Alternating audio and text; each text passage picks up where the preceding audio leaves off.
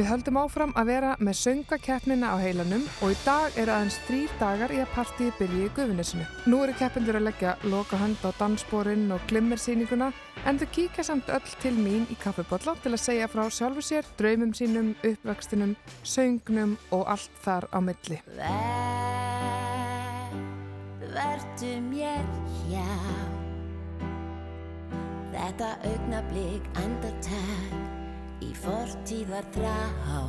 Fyrsta gestinn þar vart að kynna. Hún tók þáttur í hönd mentaskólins í Reykjavík árið 1990 þegar fyrsta söngkeppni framhaldsskólinu fór fram.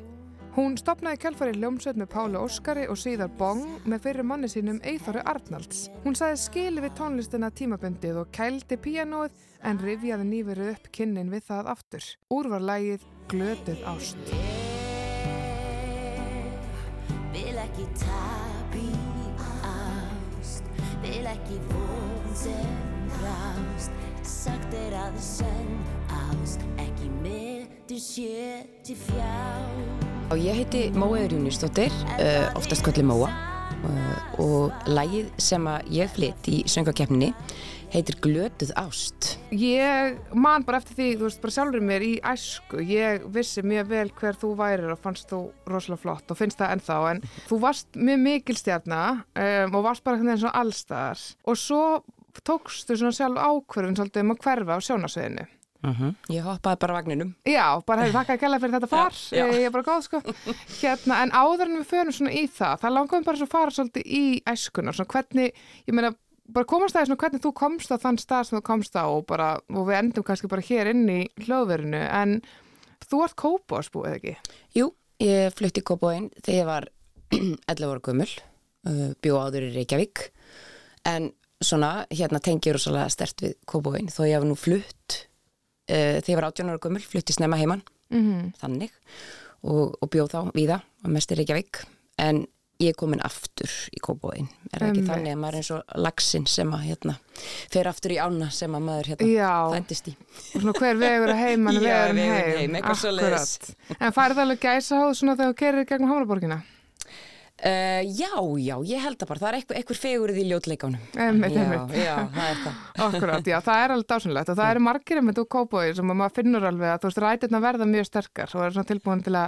Já, það er verða það, þó að mm -hmm. það sé nú ímsið sem ger lítið úr kópóinum og vilja að meina að þetta sé nú ekki almennilega uppbæri eins og ímsið hapfyrðingar og svona einmitt, einmitt. sem að hérna er ekki alveg á því.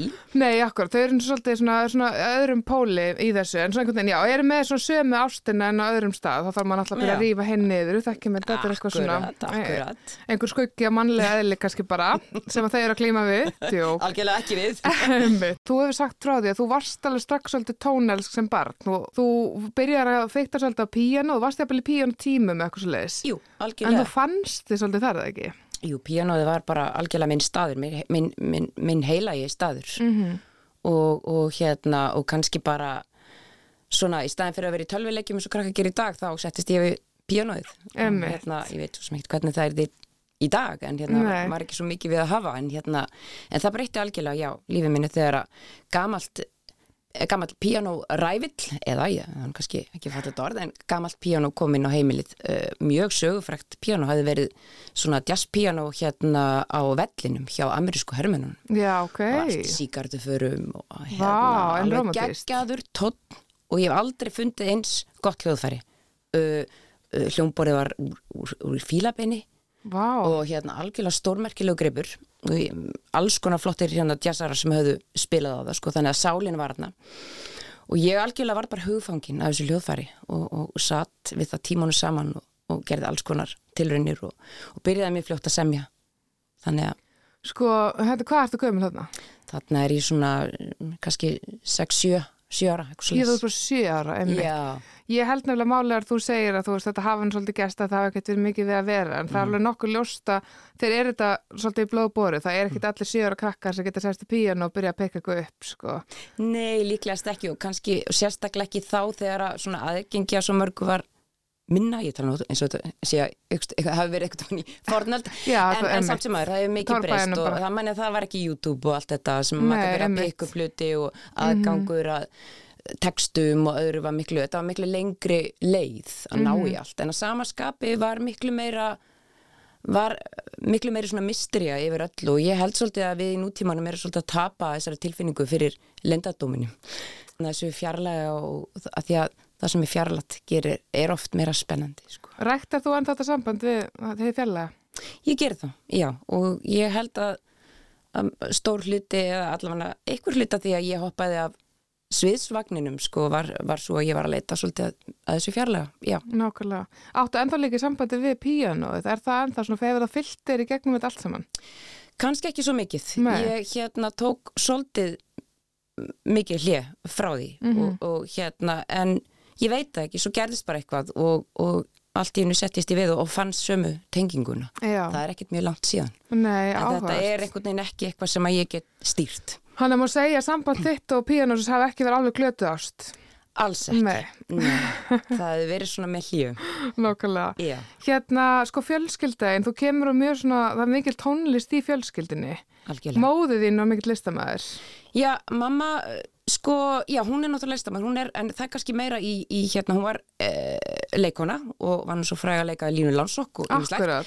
En hún, það merkilega er að hún steg einmitt af þeim vagnir þegar hún var 28 ára og var það búin að vera að leika sem sagt að hlutverki þjóðleikúsi og annað sko og hún hætti í leiklistinni, yfirgaf hana og það var allir mjög hissa þegar hún var 28 ára. Emmi, Akkurat ófriska mér. áhugavert, það hljóma kunnulega. En byrju, hún hefur líka skrifað þetta ekki? Jú, og svo er hún rítufundur og starfaði náttúrulega mjög lengi sem bladamæður Mhm. og fréttamaður og hérna hefur og er náttúrulega rítufundur gefið mikið út bæði við taltbækur, skáldsúr og ljóðabækur. Þannig hennar kannski tjáningaform er meira uh, hefur rítað orð. Það er En- samt svona einhvern veginn svolítið svona, ekkert ólíkur, ólíkur slóði sem að þið fetið. Í raun og veru ekki, hún var reyndar ennþá fleiri bönni ég Já, fyrir utan það kannski. en ég var reyndar hund Svo þú náttúrulega bætir þetta upp með hundinum, Já, sko. ég ger það og það er bara með fleiri hunda Nákvæmlega. En hérna, en ég meina, svo er, eru náttúrulega bræðið þínir, það eru tvíbura bræður mm sem að þú hefur mikið verið að gera tónlist með. Mér er Algjörlega svo áhugavert, ég meina, það er eitthvað neginn hægt að veltaði fyrir sér, einmitt hvaðan það kemur, hvort þetta sé, sko, genetist, eða hvort það sé eitthvað svona, var eitthvað svona andi á heimilin, svo frjáls andi sem að gerði eitthvað kleift að fara öll að leita, mörgum allan að leita svona þessar, í þessar listar náttir. Já, það, þetta er ósvalega góð pæling og, og hérna, ég held að það sé bara bæði sko, samblanda báðu og, og hérna, en ábyggilega eitthvað genetist líka, ég get sagt með svon minn sem að hérna er núna 22 ára að hann algjörlega, eh, sko, hvort, ekkert að bönnan mínu mann eftir mér sem tónlistakonu. Hann hins vegar bara, það leiði ekki á löngu þegar hann var núlingur að það var komin þungaroksljósit í kjallarinn hjá okkur og, og hérna, Já, og þau reyndar fór í tónlistan á bönni mín og, og hérna, og nú er hann sem sagt alveg á kafi og er að læra tónsmjöðar, þannig að hérna ég veit ekki, ekki var ég að hafa þetta fyrir honum Nei, en það er reyndar ekki alla mæður sem að myndi gútera hérna, þungar á kljónsut í kjallarum, sko. Nei, nei, að reynda rétt, að Já. reynda rétt sko, en hérna frábært band sko, það verður að segjast Ok, frábært, hérna, það er aðeinslegt. En hvernig svona típa varstu sem krakki fyrir utan það að vera í, í píanónu? Varstu, varstu einræn eða... Já, frekar, en samt sem áður alltaf átt mjög góða vini. Þannig að ég er bæði. Já, mér nokkrar hliðar. Hérna get dunda mér tímanu saman og verið ein og, og hérna þarf stundum að vera ein, en er mikil fjölskyldumanniskja og, og hérna finnst gaman að vera innan fólk. Enda er ég, starfa ég við að kenna og hérna þar er maður stanslust innan fólk. Þannig að ég Einmitt. nærist á mannlegum samskiptum og félagskap líka. að já, þú leitir svolítið í balansin eða svona hafa... já, já, þannig er ég ánað sko. Ef Það- ég er orðin of einrænt þá, þá líður mér ekki vel og eins ef það er orðið of mikið af svona félagslegum samskiptum, það er þetta samræmið þarna er þar. Sko, þú gerði nú garðin fræðin eins og margótt þegar komið fram að þið sönga kefni framhaldsskóluna. Í hvað, fyrir hvað, hönd hvaða mentaskóla varst að keppa? Heyrðu, ég þetta var nú sögufræ keppni, fyrsta keppnin sem var Akkurat. haldin og hefur Þetta sem var betur 1990... 90 Já, og hef, þessi keppni hefur sannlega haldið velli og hérna þetta var allt mikil svona tilhörna starf sem við hann til að byrja með og mjög spennandi að taka þátt en það alveg nýtt og ég var sérst í mentaskólanum í Reykjavík á þessum tíma og tók þátt fyrir hönd hans mm akkurat. og hérna Þú var svolítið ekki? Þú Ég- svona alveg inn í þetta, þú ætlaði bara að klára þetta. já ég held að ég hafi verið það en það maður er svolítið ungur og, og hrókafullur á þessum árum og, og hérna en ég sem sagt tek þarna þátt og, og, og hérna og lendi í öðru seti og var var rosalega tapsár og var það reyndar alltaf sem krakki en það var eins og betur fyrir réttlast að mér. Ég gæti ekki verið inn um leikjum ég á svo tapsár. Já, vill enginn spila við Það vill enginn spila við mig eða, jú, reyndar vildu margir spila við mig því þeim var svo fyndið þegar ég var tapsár. Það Að ég var svo reið. En hérna, þannig að ég sem sagt þarna já, lendi öðru seti og, og hérna og, og er bara alveg mjög, mjög reið og enda með því að ég sem sagt, jú, jú, klára kvöldið og, og hérna kunningi minnan Páll Óskar Hjaltisson sem að átti eftir að gera garðin mjög frægan. Sannlega. líka og meiri sér að fara út í Eurovision setna, að hann lendur hann í þrjá setu og við erum bæði mjög mjög pyrruð yfir þessu. -hmm. og hérna og það spratt upp úr þessu mikill vinskapur og, og, og hérna enda með við stopnum hljónsveit þannig, þannig að þetta var mjög svona örlaðurikt fyrir okkur bæði held ég að taka þátt í þessar keppni. En ég sem sagt fer út í kulda, eh, mjög kuldalega nótt og, og lappa heim á Hótel Íslandi í tjölkjólnum mínum, bláa. Alveg brjáluð í skapinu. fói. En eftir að higgja þá var þetta gríðarlega verðmætt hérna verðmætt, verðmætt fyrir mig þessi mm reynsla og, og, og hafði mjög gott af því að vinna ekki. Uh, það kvatti mig mikið áfram og ég áttaði mig líka á því að, að tónlist og það er gott að skilja það bara strax að það er mjög erfitt að keppa í tónlist. Erfitt að keppa í listum. Tónlist er ekki eins og handbóltaleikur og, og hérna það sem eru bara uh, einhvern veginn, þú bara mætir inn á völlin og, og, það eru stig og, og allt það sko. Og, og svo sannlega er ekki hægt að vinna handbóltaleika á Instagram og Facebook. Þannig að hérna þar gildi bara það sem er gert inn á vellinu, ekki rétt? En hvað hugafar er það þá sem að svona, þið veist vera líkillin að því að fara inn í ílisköpuna?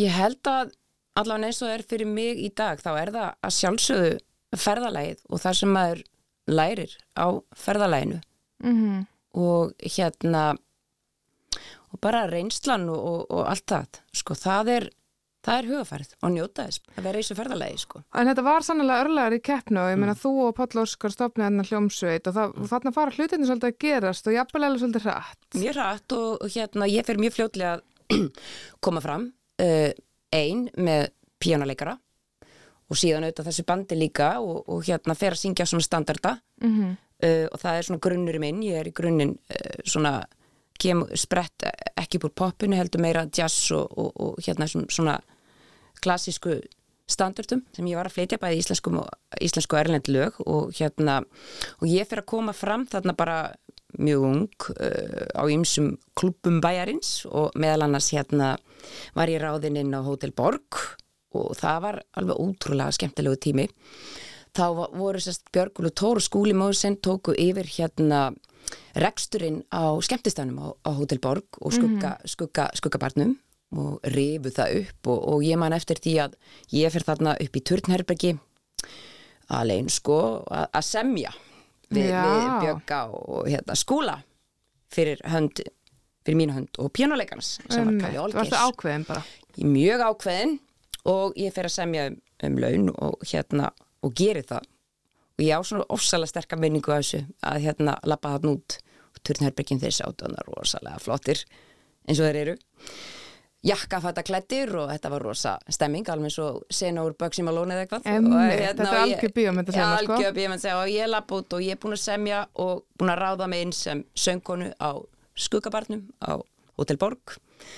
Og hérna og já, og er farin að fá greitt sem sagt, fyrir Ertu að syngja Þá, og þú ert að syngja, ert að syngja svona meðan fólk er að snæða, er þetta svona dinner? Þetta var ekki dinner, þetta Nei. var bara bar, háfaði og ég að syngja og berjast bara í mjög slæmum græjum, þú Já. veist, inn á bar þar sem fólk var mjög bara í miklu stuði, Akkurat, það akkurat. og hérna, og meiri sér sígarettur ykkur á þeim tíma Vá, það er rosalega þess að þess að og, já, og í gildasalunum við hliðina var bara fólk að dansa og bara dúndirandi danstónli, sko, þannig að þetta, þetta var alveg hörku barátta, sko, en geðveikt og Já. geðslega gaman, sko. Þetta hljómar alveg eins og þetta sé svolítið svakalegt en maður myndi kannski ekki geta haldið þessu streitu endalaust Já. en hljómar líka æfintýrlega menn þarna ertu ung og ert komin á Já. þennan stað Já. um, og svo einhvern veginn fer svona sko að að það er ástæða fyrir því að ég sá nafni þitt mitt þú veist um, og hugsaði bara hvað var að móa bara hvað er að gerast veist bara, hún, er bara, hún er bara mætt og, og ennþá líka með svolítið svona þína rödd það er svo rosa svona sál í röddinni okkur svona sem þú fannst rosalega snemma já, hún kom bara sko, hún Já. bara einhvern veginn þegar ég opnaði minni, já, ég svo sem alltaf verið að spila á píanó en söng ekki mikið, það var í raun og verið til að byrja með ekki mín, mín, mín svona tjálingar leið sko, en hins vegar þegar ég bara einhvern veginn byrjaði að syngja og það var náttúrulega í samingi ákvað að taka þátt í þessari söngvakeppni Akkúrat. framhaldsskólana, tíðu sem ég talaði um áðan þá bara einhvern veginn bara var hann þarna röddin, ég þurfti ekki að leita henni sko. Emmi. hún bara var hana og, og það var einhvern veginn æðislegt andatak Það er svo frábært, maður sér eitthvað neginn að þú veist þegar þú gengur, bæði þegar ríkur út í tjölpilsinu eftir hérna flutning og líka þegar þú æðir hérna inn til þess að semja ákveðin að þú ert rosalega, þú, þú kemur svolítið mótuð inn, þú veist einmitt með þessa rödd. En svo fer, fer boltin að rúlla svolítið svakalega og þann hérna stekkar og stekkar. já, Þú ert búin að stopna þetta hljómsveit með þávarandi manninniðinum sem að verður svona rosalega fræg. já, við bara það var bara ansið öflugt. Það kom svona upp úr þessu ég svona kláraði þetta jazz tímabil með plötu og, og var þá farin að þreifa fyrir mér í meiri svona pop átt sko eða elektró átt sko og hérna og við semst, já, gáum út plötu sem sagt undir nafninu Bóng sem að, já, bara var bara daldið mikið stöf sem var bara daldið mikið spilað. Og, og hérna uh, heil mikið í kringum það uh, og það síðan við erum síðan fann að tegja okkur svolítið út fyrir landsteinina með það efni og það síðan þróast út í mitt solo efni sem er þá uh, verður að plötu sem ég gaf síðan út undir mínu nafni Móa og, og var gefið út mjög víða emmitt. plata sem hérna heitir Universal Akkurat, Já, já, já. það munar mjög margir eftir því Já, og sko, það var svona svolítið kannski þá maður að segja, kannski ekki alveg pop en svona, þarna var ég að reyna að blanda sama svolítið þessum jazz grunni mínum og, og í reyni svona elektró tónlist þannig að þetta var alltaf experimental í raun og veru það verkefni Þú ert farin að, einmitt, færa þér svolítið út fyrir landsteinana með tónlistina og, Mhm. og hérna, það er alveg bara einhver svona stór leipel farin að sína þér áhuga og það Mhm. er rosa mikið að gerast. Já, Hvernig, svona, þegar þú horfir í baksinnspeilin, svona, hvernig er þessi tími? Hann er bara algjör rússipanna reið sko, í rauninni. Þetta var bara algjör rússipanni. Það er alveg hótt að segja það. Og, og hérna þetta er, þetta er hérna mjög sérstakur bransi og varða líka, þetta er náttúrulega að vera mat og þetta er líka fyrir, fyrir internetið. Mm og allt miklu svona fjarlægara stærra, svolítið.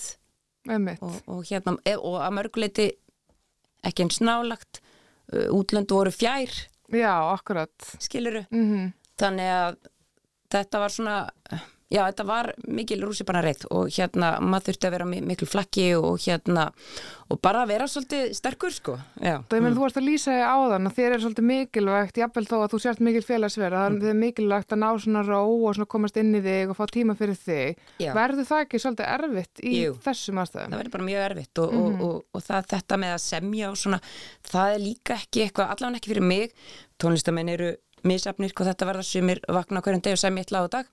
Já, ég er ekki þannig. Uh, þarf svolítið að finna þennan stað þú veist, þessa ró sko.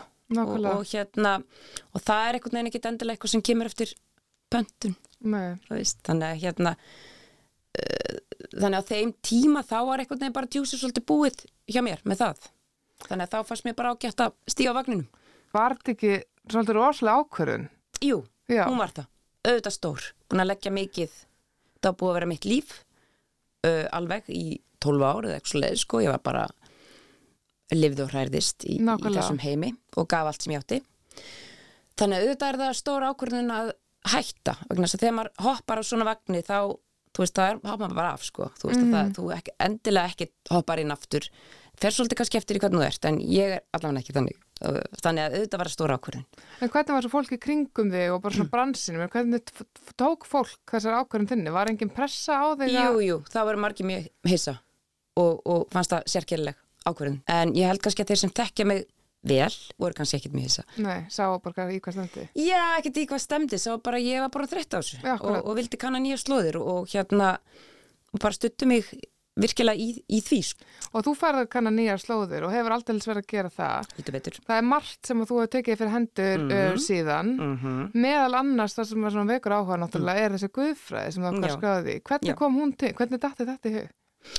Það var nú, ég var nú að leita mér að námi, var alveg algjörlega ákveðin í því að sem sagt fara að læra og hérna fannst alltaf gaman að læra og finnst rosalega gaman að læra ég átti bara eiginlega svolítið erfitt með að hætta að læra þú veist, í námi sko sem slíku, svona formlega námi maður er auðvitað alltaf að læra og það er nú málið sko og ég er meira svo að læra núna þegar ég sitt hérna og er að taka þátt í þessu æmtýri, Eurovision æmtýri, Vá, það var ég að læra. já. og ég, það er bara hluta mínu lærdómsferli sko. Og líka þetta að bara að skora sjálfum sig alltaf á hólm sko, fara út fyrir þægindaraman, Við nákvæmlega. þú veist þannig að, þú veist, ef að það ef manni líður ótrúlega vel í ekkuru þá ertu ekki að gera eitthvað rétt Þetta er svolítið eins og þú talar um með ferðalagi. Þetta er bara allt sem hann hluta ferðalaginu. Mm. Já. En hvernig hluta ferðalaginu svona var guðfræðin? Guðfræðin var mér alveg ótrúlega mikilvæg og mér leið svolítið að ég var að lýsa svona eitthvað myndrand bara eins og ég væri í tjörn sem að var friðsal og góð og ég fekk að synda í bara Mhm. að vild. Hún var góð og, og hérna falleg. Og þú klárar það Klára það, og þá ferður svona að líta svolítið í kringu. Þú hefur Já. verið spurð hvort að, ég menn þú gætir hérna orðið prestur, þú gætir fara Jú, að predika. Jú, jú, ég gæti það og hérna þá þarf ég bara fyrst að sækja um brauð og, veit ekkert hvort ég geri það. Maður, maður veit svo lítið. Þa, það breytist og maður á að geta að hafa rými til þess að skipna um skoðun. Ég menn þú hefði kannski ekki sagt fyrir ári síðan að þú myndir setja hér og væri á leiðinni í söngakeppnina. Varla. Nei, akkurat. Varla, sko. Og mér finnst mjög aðdáðanavert bara svona með hvernig þú leifir, bæðin alltaf hefur þú við stjórnvölin en maður leifir líka lífinu að leiða sig í Mm. Þannig Og- verður það spennandi og manni leiðist ekki. Og þú er náttúrulega verið að kenna núna bara síkasti. Já, það er síðan bara það sem ég er að fást við dagstaglega og hérna fæ gríðarlega mikið út úr. Ég er mjög ána með það starf sem ég hef valið mér Mhm. uh, og, og, og það svona nærir, nærir mig á margan hátt og einmitt þetta verið innan um fólk. Já. það sem maður fær og ég tala ekki um að vera svo heppin að fá að vera í samvistu við úlinga sem er náttúrulega ótrúlega frjótt fólk og hérna heldur manni svolítið á tannum líka. Uh, og svo kemur söngakeppnin hérna inn. Mm. Á hvað tímapunkti kvarlar það að þér að það sé mögulega næsta skrefa þér? Það er kannski bara, ég veit ekki, mér, mér hefur fundist bara þessi keppni fann að verða bara svo rosalega flott og, og hérna og bara, og, og einhvern veginn svo fjölbreytt og, og bara rúma svo margt og það er bara svo indislegt og það er kannski ekki svo margir staðir sem gera það svona bara, hvað maður að segja það einhvern veginn leifist eil allt Nákvæmlega. og hérna þannig að ég veit ekki ég, það er bara, ég get ekki eins og útskýrt það er bara eitthvað svona innsæ bara, eitthvað, bara bara Já, sem þetta er bara... bara sniðut þetta er búin ótrúlega gaman Mhm. og hérna og heldur ábyggilega áfram að vera það sko. Og hérna, Þú tókst svolítið hlið frá því að vera semja. Er já, mjög, fyr, mjög freka langt sko. Sérstaklega fyrir sjálfa mig sko. Ég hef aðeins komið að ég semja fyrir aðra en ekki fyrir mig sko. Einmitt. og hérna það er, ég hugsa sko kannski hljómar er svo gömultöka en ég hugsa að COVID hafi alveg ítt undir og það sem að þetta einhvern veginn rými sem skapaðist. Með persónulega rýmið. persónulega rými, já Mhm. hafi svolítið svona hjálpað allavega því að maður svona einhvern veginn það opnaðist fyrir þessa rásir Og þá kemur þarna þessi rosa sköpun.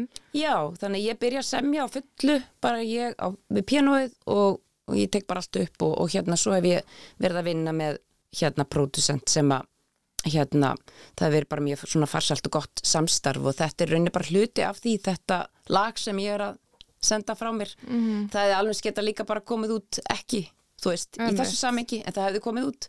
Já, en hér, hér er Já. við, Mm. sko, þú hljómar svona æðrulaus og jarðbundin, en var ekkert, ég spyr bara forvitni, var Mm. ekkert tilfinningaþrungin stund einhvern veginn að að fara aftur þennan stað og, og fara inn í þessa sköpun?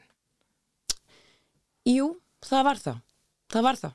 Það var alveg ótrúlega góð tilfinning sem að sem að ég get ekki líst öðru sem bara þegar ég var búin að einhvern veginn koma fyrsta læginu sem að koma reyndar út uh, 2021 uh, heiti Pjór og það er einmitt það er einmitt svo stund sem að það lag opnaði svolítið bara allt. Þess vegna er það lag ótrúlega verðmætt fyrir mér. Mhm. mér þykir rosalega vænt um það. Einmitt.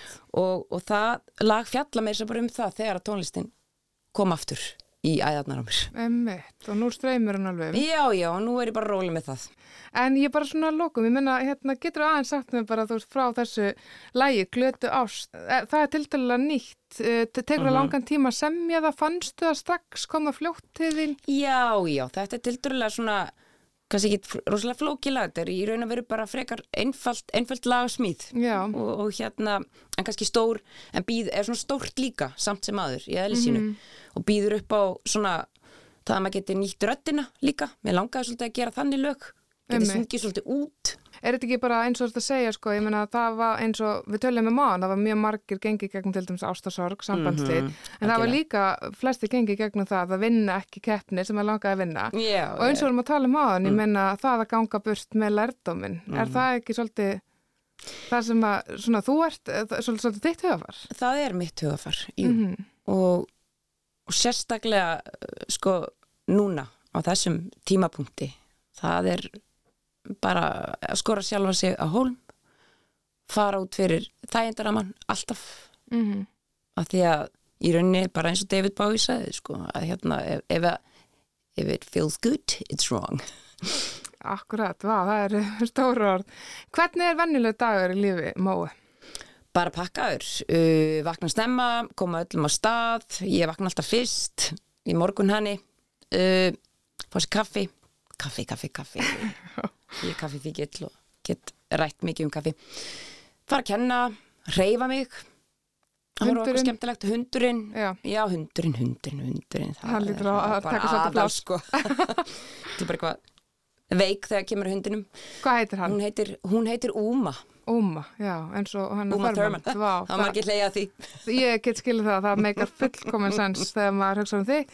Um, bara svona lokum, ég menna Mm. núna styttist í stóru stundina, þú Mhm. stýr á svið. Hvernig er svona, leggst þetta í þig? bara ótrúlega vel Þú spennt? mjög spennt og hérna mér hefur alltaf þótt gaman að vera á sviði og, og að syngja live Mhm. það var náttúrulega, ég kem einhvern veginn úr þeim grunni, syngja live ekki bara í stúdiói þannig að, að, að hérna ég bara laka alveg óstjórnlega til og ætla að gefa mig alla í það Takk innilega fyrir Móa Mm. og hérna, það verður bara gaman að fylgjast með þeim ævintýrum sem við vitum ekkert hver eru. Ó nei, Takk innilega fyrir Já. kíkjatum minn. takk fyrir mig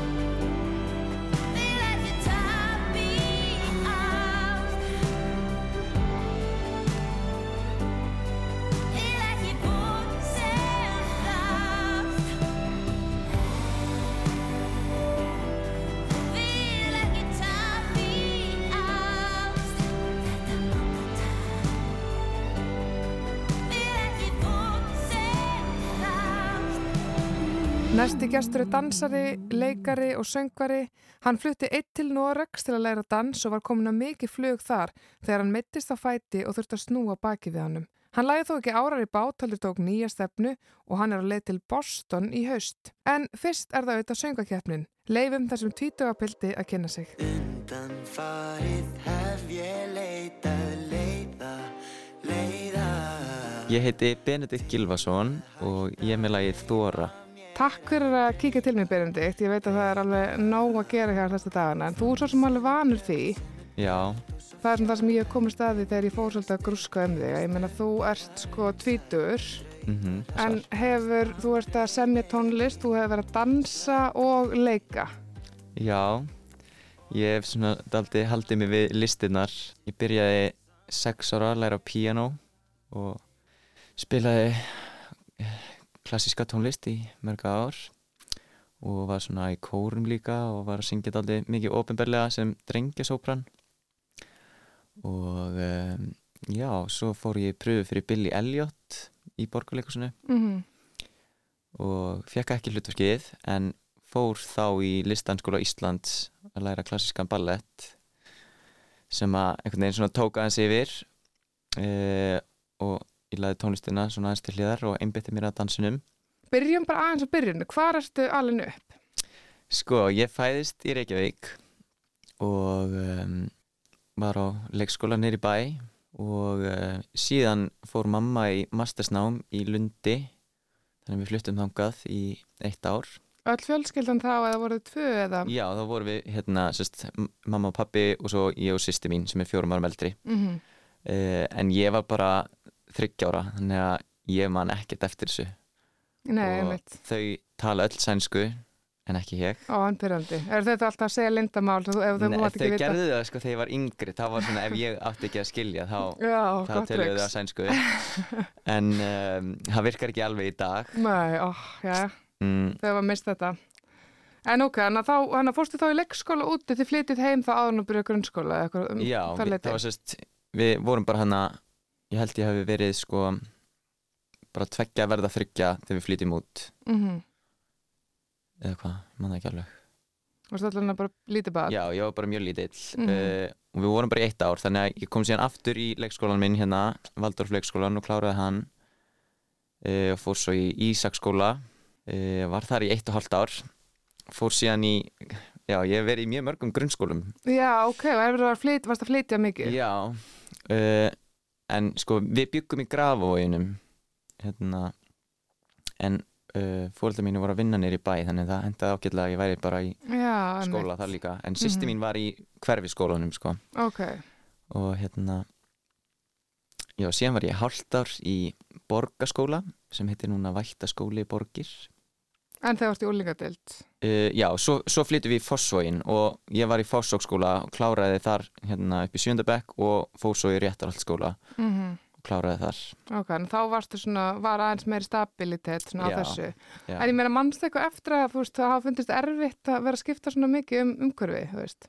Nei, mér fannst það ekkert neitt mjög erfitt Nei. ég átti frekar auðvelt með að aðlaga mig sko Einmitt. og eignast vinni En núna er, er ekkert langt síðan í rauninni, finnst mér allavega, þú ert svo ungur, en mm. svona hvernig típa varstu í grunnskóla? Varstu í, þú veist, þú væntalega verið mikið að taka þátt í svona listum, listgreinum og slíku? Já, ég sko, ég hef alltaf haft gaman að því að koma fram og það var mjög skemmtilegt að í, í Ísaksskóla var náttúrulega það var eina ástæðanum fyrir því að fólkdar mínir eh, völdu þann skóla var Mhm. að það er alltaf sungið á föstudagsmótnum mér fannst svo gaman að syngja þannig að um, já, í Fossóskóla er mjög mikið svona þú veist, bekkinir halda svona skemmtanir fyrir hína bekkina og eitthvað svona þannig að það er það var hérna ég fekk alveg útrás fyrir mínum listrænu hugmyndum sko Þannig að það er komið í ljós frekar snemma bara þegar þú ert mjög ungur, ég appvel bara þegar þið eru þarna út í lundi að hérna, þér, þú veist, þú, þú hafið mikla svona aðtiklistörf, jafnvel. já, en, en það er samt mjög fyndið sko að ég, bæ, ég bæði svona mikla aðtilstörf en ég er samt mjög hóvær að þetta er, þetta er, ég held að þetta sé góð blanda sko Þá er mér getur líka komið vel, hérna, komið sér vel að vera í kór, þú hefur svolítið gert það. já, ég náttúrulega byrjaði í sko krúttakór langkvöldskirkju. Ég var fimm ára eða eitthvað og fór sér drengjakór Reykjavíkur og var þar í, í þó nokkur ár. Og þar komið ljós að þú værir með þessa rosalegu, svona hvað kallast það, ekki svona, drengjasópran já, emmitt, sem er alveg bara svona, svona, na, ég sá hérna svona smá myndskeiði með það sem þú ert að syngja og svona þess að kristaltæri barnarödd. mm, og þú veist, þá er þetta svona, það er, þú veist, gildur mjög margar sem eru kominir einmitt á þennan stað og eru svolítið svona uppgötað svolítið snemma að það eru margir einmitt sem fara þá og feta þessa tónlistabraut já, en eh, sko ein spurning að því að þú ert að segja, ég meina fóreldrarnir komir inn í skóla svo þú getur sungið og þú ert mikið að syngja og leika og kemur í ljós snemma þú er alltaf að hæfileika, hvaðan koma þeir? Er fjölskyldaðin mjög listneitt? já, það er góð spurning sko það, það er ekki mikið að lista fólki í fjölskyldinu minni nefnilega, sko mamma er lögfræðingur og pappi er verkfræðingur. Uh, en þegar var bæði alveg hérna, mjög gaman af listum og hérna og já, en það, það, er, það var einhvern veginn ekkert svona það er engin Það var ekki pressa frá þeim einhvern veginn að þú myndir svona feta eitthvað svona ákveðin mentaveg. Nei, eða fara, fara í þeirra, nei emmitt, það er nú alveg gott og það verðist vera sem að þú hafa allan fengið mjög mikla, mikla kvartningu, mm. alltaf. Og svo flytur til Norex og fara að dansa, getur þú sagt mér frá því? já, ég hérna sérst var í listanskóla Íslands og og hérna fór út til Svíþjóðar að keppa fyrir hönd Íslands í um, ballettkeppni sem heitir uh, eða hét allavega þá Nordic Baltic Ballet Competition. Mhm. og þar var um, þar voru kennarar frá uh, listaháskólanum í Oslo uh, af því að þar voru nefndur þaðan að keppa líka. Og ég hafði sótt um hennan skóla og um, og kennararnir komu sérstaklega til mín og spurðu, þú veist, ætlar, þú gjöruglega að koma í pröfuna? Og ég manna að það var eitthvað vesen með að ég komst ekki einmitt dagsetninguna sem að hérna, pröfun átt að vera Ok, og sagði þeim að það væri smá erfitt. Við minnir að hafa verið síning í dansskólanum mínum á sama tíma eða eitthvað. Mhm. og, og hérna og kennarinn segir við mig bara við erum með auka pröfu fyrir það sem komast ekki þarna bara please komdu. Þetta er eins og eitthvað svona Hollywoodmynd Já, þetta, þetta var mjög surrealist sko.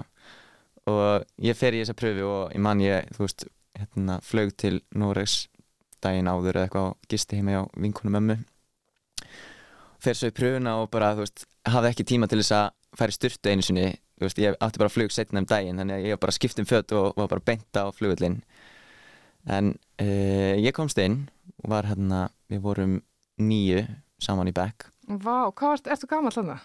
ég var 17 ára. Og þú varst bara einn, fórst bara einn í þetta? já, Ekkert eitthvað mamma en pappa kom með Nei, ég flutti einn út og hérna það reyndar tvær mjög góðar vinkonur mömmu búa, búa þarna nála þannig að ég fekk alveg að kíkja til þeirra og fá heimilismat og, og láta klappa þér og Já. og svona, einmitt. En ég meina, var það ekki svolítið mikið viðbrið fyrir svona ungan mann að vera einhvern veginn svona langt frá fjölskyldinni og vinunum eftir líka? jú, þetta var náttúrulega pínu skrítið um, allir vini mínir voru bara ennþá í MH Mm og, og ég ekkert nefnir bara einn úti og þurfti að veist, sjá um að elda kvöldmatt og Og ég meina, kunnur ekki tungumálið?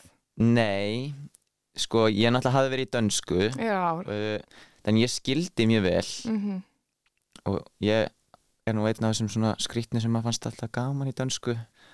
Þannig að en það var samt meiri hlutin að kennslinni fór fram á ennsku af því við vorum svo rosalega international og það voru tvær stelpur frá Asíu sem að náttúrulega skildi ekki neitt í Norðurlandamálum -hmm.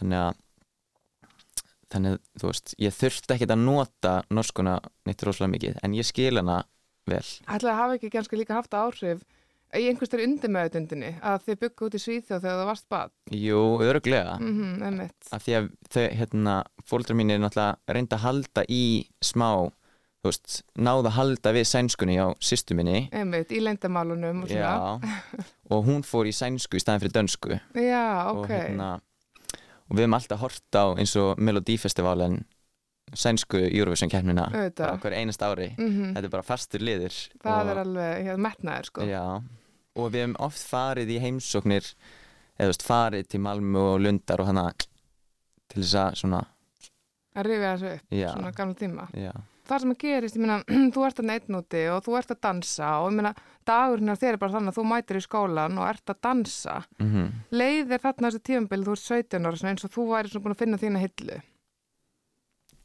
Já, ég held Mm. það á því tímabili. En svo, hvað gerir svo? Svo, sagt, um, ég fer á keppi í Fraklandi í annri danskefni og fyrir þessa keppni þá er mér farið að verða pínu illt í sköplungunum og hérna sjúkraþjálfari minn segir bara ok, þú voru bara þú veist, við þurfum bara að passa hvernig þú æfir þig fyrir þessa keppni, bara til þess að spara þig. Og svo um leið og þú kemur tilbaka þá kvíliru í smá tíma. Mm og, uh, og þú veist við gerum það og ég fer hérna út og, og það gengur mjög vel. Ég fæ silfur í þessari keppni og hérna kem svo tilbaka til Norex og, og við ákveðum að fara í myndatöku til þess að láta tjekka á hvort þetta sé, sé eitthvað. -hmm. og hérna og vinkona mömmu sem að býra núti er rönganlæknir og hún pantaði tímar fyrir mig. Já. Og hún spyr hvort ég vilji fá mynd af njánum líka og hérna sjúkraþjálfurinn bara já, stökkum á það fyrst hún býður upp á það. Og hérna, og kemur í ljósa að það var ekkert að sköplungunum en það var eitthvað að brjóskinu í njánum á mér. Þannig að þá þurfti ég bara fara að kvíla í daldið langan tíma. Og svo kom COVID og þá þurfti ég að koma heim og hérna og var bara að æfa einn í gamla skólanum mínum af því þau voru ekki að kenna þú veist það var engin kennsla þar þannig ég fekk að æfa mig þar. Og svo fer ég í myndatöku nokkur mánum setna og kemur ljósa bætt, það hefði ekki neitt lagast. Þó ég hefði tekið í rólega og kvílt mig og passa mig að hoppa ekki neitt og eitthvað. Þannig að það var okkur neginn svona það var aldrei erfitt að Já, menn var það ekki áfall? jú, það var það. Það var já, þá, þá einhvern veginn fór ég að hugsa bara ok, verði ég ekki að fara að finna mér eitthvað annað fyrst að, þú veist, fyrst þetta er ekki að lagast Mm Það er náttúrulega frustrerandi af því að þú grýpur þannig sjálfur inni og ert að fara rosa vel með þau og ert að fara að gera allt samkvæmt læknisræðu til að þetta lægist og svo Mhm. gerist ekki neitt. nei, Er þetta þá álagsmeðsli bara eitthvað svo leiðis? já, það er bara eiginlega ekki alveg vita hvort þetta sé eitthvað genetíst eða álags en getur vel verið mér finnst alveg líklegt að þetta sé eitthvað álagstengt sko, því Mhm. ég kvildi ekki alveg nóg hérna Nei, nei, nei, þú kannst ekki alveg hamið. Nei, mm og var búin að vera á sumanámskeiðum og til að halda mér í formi og eitthvað, þannig ég tók mér ekkert almennlegt frí í daldi langan tíma þarna Það er náttúrulega líka rosalega viðbrið að fara frá því að vera að dansa á hverjum degi í að vera bara hálf rúmfastur sko, veist, og þú varst kannski ekki alveg svona á þeim buksunum, Nei, akkurat.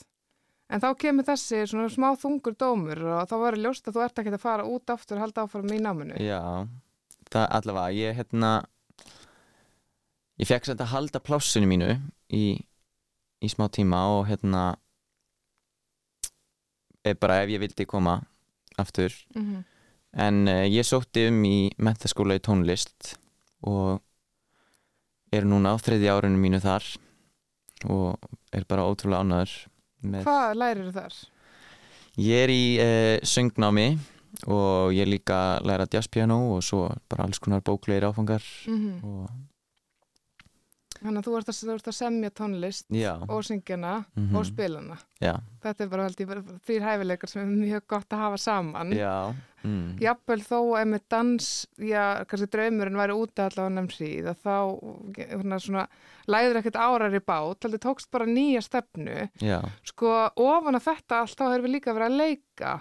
Þú varst að segja að þú hefði farið hérna pröfunarna fyrir Billy Elliot og þú leggst í dýrinum í hálsaskói líka sem bad, Já, ég leik bánsa litla. Emmitt. Hvernig gerist það? Ég bara hafði alltaf haft ótrúlega mikið áhuga á leikhúsi og, og hérna sérstaklega söngleikjum. Fór á bara, þú veist, fór á alla, alla söngleiki og bara eins mikið í leikhús og ég gat þegar ég var yngri. Og um, langaði alltaf að vera á sviðinu Mm og fór bara í pröfu og En þannig að þú hérna byrjar að semja tónlist og hérna ég veit ég var til dæmis að skoða Spotify og það er alveg fleiri lög frá þér þar Mm. inni heldur en sungakeppnislægið og hérna þú ert alveg komin á skrið í þeim efnum mm, um, og þú sækir um bara nám í bandaríkunum eða hvað? já, ég sótti núna í haust um uh, Berklee College of Music sem að í Boston sem er bara mjög virtur tónlistarháskóli bandaríkinum og ég hef svona verið að plana að segja minna á skóla í nokkur ár. Um, ég, ég hef alltaf verið sko típan sem að horfi svona fimm ár fram í tíman Mm -hmm. uh, og er alltaf búin að ákveða sko hvernig framtíðin á að líti út svo breytist alltaf allt og Akkurat, eins og fram komið. Já. mm þannig að ég held bara eiginlega um leið og ég var komin aftur í hérna til Íslands og var komin aftur í MH og byrjar í, í MIT að þá var ég einhvern veginn byrjar að skoða hvað verið næst -hmm. um, Er þetta ekki svakalegt umsóknarferli? Jú, það var samt svona ég held að sé samt aðeins minna heldur en ef maður er að sækjum í, þú veist, Harvard og eitthvað svona Já, um, en það er alls konar skjöl sem þarf að fylla út og, og láta þýða engunir yfir á bandaríska kerfið og en, já, en ég þurfti ekki að skrifa einhverju svona ritgerðir og eitthvað svona personal essay og nei, eitthvað. en ég menn þú lítur þegar þú þurft að senda þeim alls konar tónlist og svona. Já, ég þurfti uh, að senda svona einhver tóndæmi um, og svo þurfti ég að fara í pröfu líka þar sem að þar sem var alls konar þú veist, óundibúin spunni eitthvað svona rithma þú veist, kennarinn klappaði eitthvað rithma og ég þurfti að endur taka hann og Fórstu út til að gera þetta eða var þetta fjár? þetta var fjár Mhm. uh, ég hefði getað farið út en þetta var bara miklu einfaldar að gera þetta svona Já, einmitt, einmitt. Allir búin að læra líka COVID og svona að þetta væri möguleiki. Já. Akkurat. Og ég meina langt og stránt umsóknarferðli, ég held að þetta hafa kannski ekki alveg verið svo farin að Juilliard, en Mm. þetta er samt rosalega mikið mál Já, og svo kemstu inn. já, Hvernig tilfinning var það?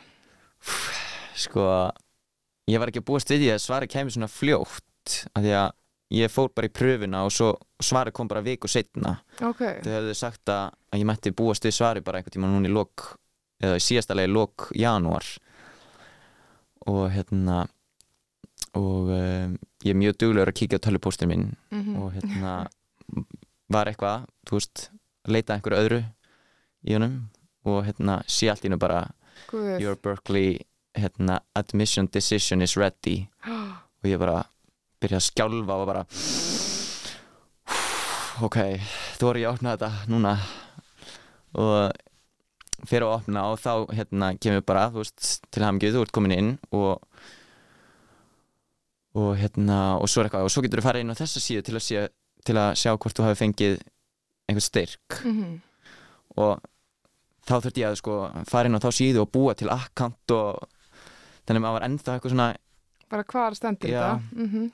þannig að, að þetta er alveg, þetta er mjög dýrt Mm að fara þarna um, og svo bara kom í ljósa ég var með fullan skólastyrk þannig að það var bara Þannig að það verðist alveg að þau sjáu mjög mikið spunnið í þig. E, þetta er hérna, hvað er þetta langt nám? þetta er fjögur ára bachelor nám Mm þannig að Og þú ætlar að, hérna, hefur ekki komið áður til Boston nei, ég er að fara þangað í fyrsta skipti núna í lók mars og með hverjum ætlar þið? ég er að fara með pappa Mm við ætlum að fara í túrum skólan og bara aðeins að skoða borgina og eitthvað, Hvað eitthvað finnst þeim um þetta flandur þér?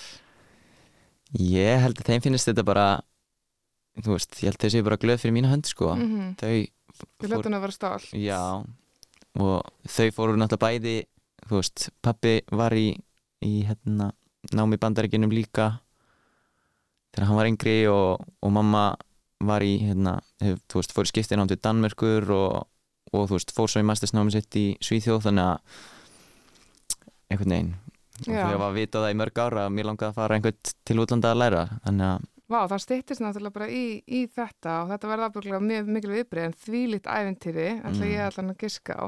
En áður en þú fær til Boston, þá er svolítið annað að gerast. Þú ert að taka það til söngakeppninni. ó já, Sko, hérna þá er hann Hildur Kristín Stefansdóttir sem semur þetta lag, eða þið semir það saman. já Hérna, hvernig aftur, hvernig var það sem ykkar samstarf hófst? Já, sko, það er nefnilega mjög fyndið að segja frá því að okkar saga hefst miklu fyrr en Hildur Hjælt uh, Nú. hún var bara að koma staði um daginn. En uh, ég tók þátt í hérna söngkefni Samfjess fyrir nokkrum árum síðan og uh, hrefti þar annað sætið. Og hún var í domnefndinni og hún var svo sem að veitti mér velunin Já, ok, og hún myndi ekki eftir þessu fyrir en ég saði henni þetta um daginn. Ok. og hérna og byrju hvað var svo hitt? Já, svo var líka hún var líka dómari í hérna söngkefni MH sétt og þátt í. En uh, já, svo fór ég sérst á hérna fyrirlestur hjá henni og Pálma Ragnari sem er líka með Akkurat. og uh, þetta var sérst, fyrirlestur um lagasmíðar og og í lok fyrirlestur sinn spyrja þau hvort það sé einhver sem að vilji leifa þeim að heyra eitthvað og fá komment og allir náttúrulega bara sitja við borðið bara, bara ekki ég, ekki ég. Mm og hérna ég var svona búin að hugsa þetta fyrirfram sko, mér langaði alveg að spila ef það væri eitthvað, en ég var með eitthvað tilbúið. En ég var svo stressaður ég var bara, mér langar ekki að gera þetta. En bara ég verði að ég verði að gera þetta samt. Þannig að Þannig þú bara farið på svið. já, þannig ég bara tók að skarið og, og sagðist hérna vera tilbúin að lefa þeim að heyra hann að lag sem ég var að vinna í og um, já, svo bara þetta var einhvern tímann í sumar eða vor minni mig Mhm. og hérna síðan fæ ég bara skilabóð einhvern tímann núna í haust frá Hildi hvort að ég hef einhvern tíma pælt í því að taka þátt í söngakefninni og það var náttúrulega bara langt þrjá draumur sko að taka þátt Og lægi fjallar þeim um hugur ekki, Já, það, það er eiginlega bara mér fyndin tilviljun sko emmi. en hérna En ég meina þú sjálfur, ég meina verandi svona ungur og hafandi, ég meina þú ert alltaf að, að grípa tækifærin og ert að koma þér í áður óþægtar aðstæðir, menn þú greinilega Mm. byrðir hugur ekki. Er eitthvað svona mannst eftir að hafa tekið einhver ákvörðun um það eða er þetta bara, er það í blóð borið bara veginn að vera svona frakkur? sko ég þarf yfirleitt alltaf að taka meðvitaða ákvörðun um það Mm -hmm. af því að ég, veist, ég, ég held að einmitt, þú veist, hugrekki er svona þegar þú gerir eitthvað þó þú þórið því ekki Nákvæmlega.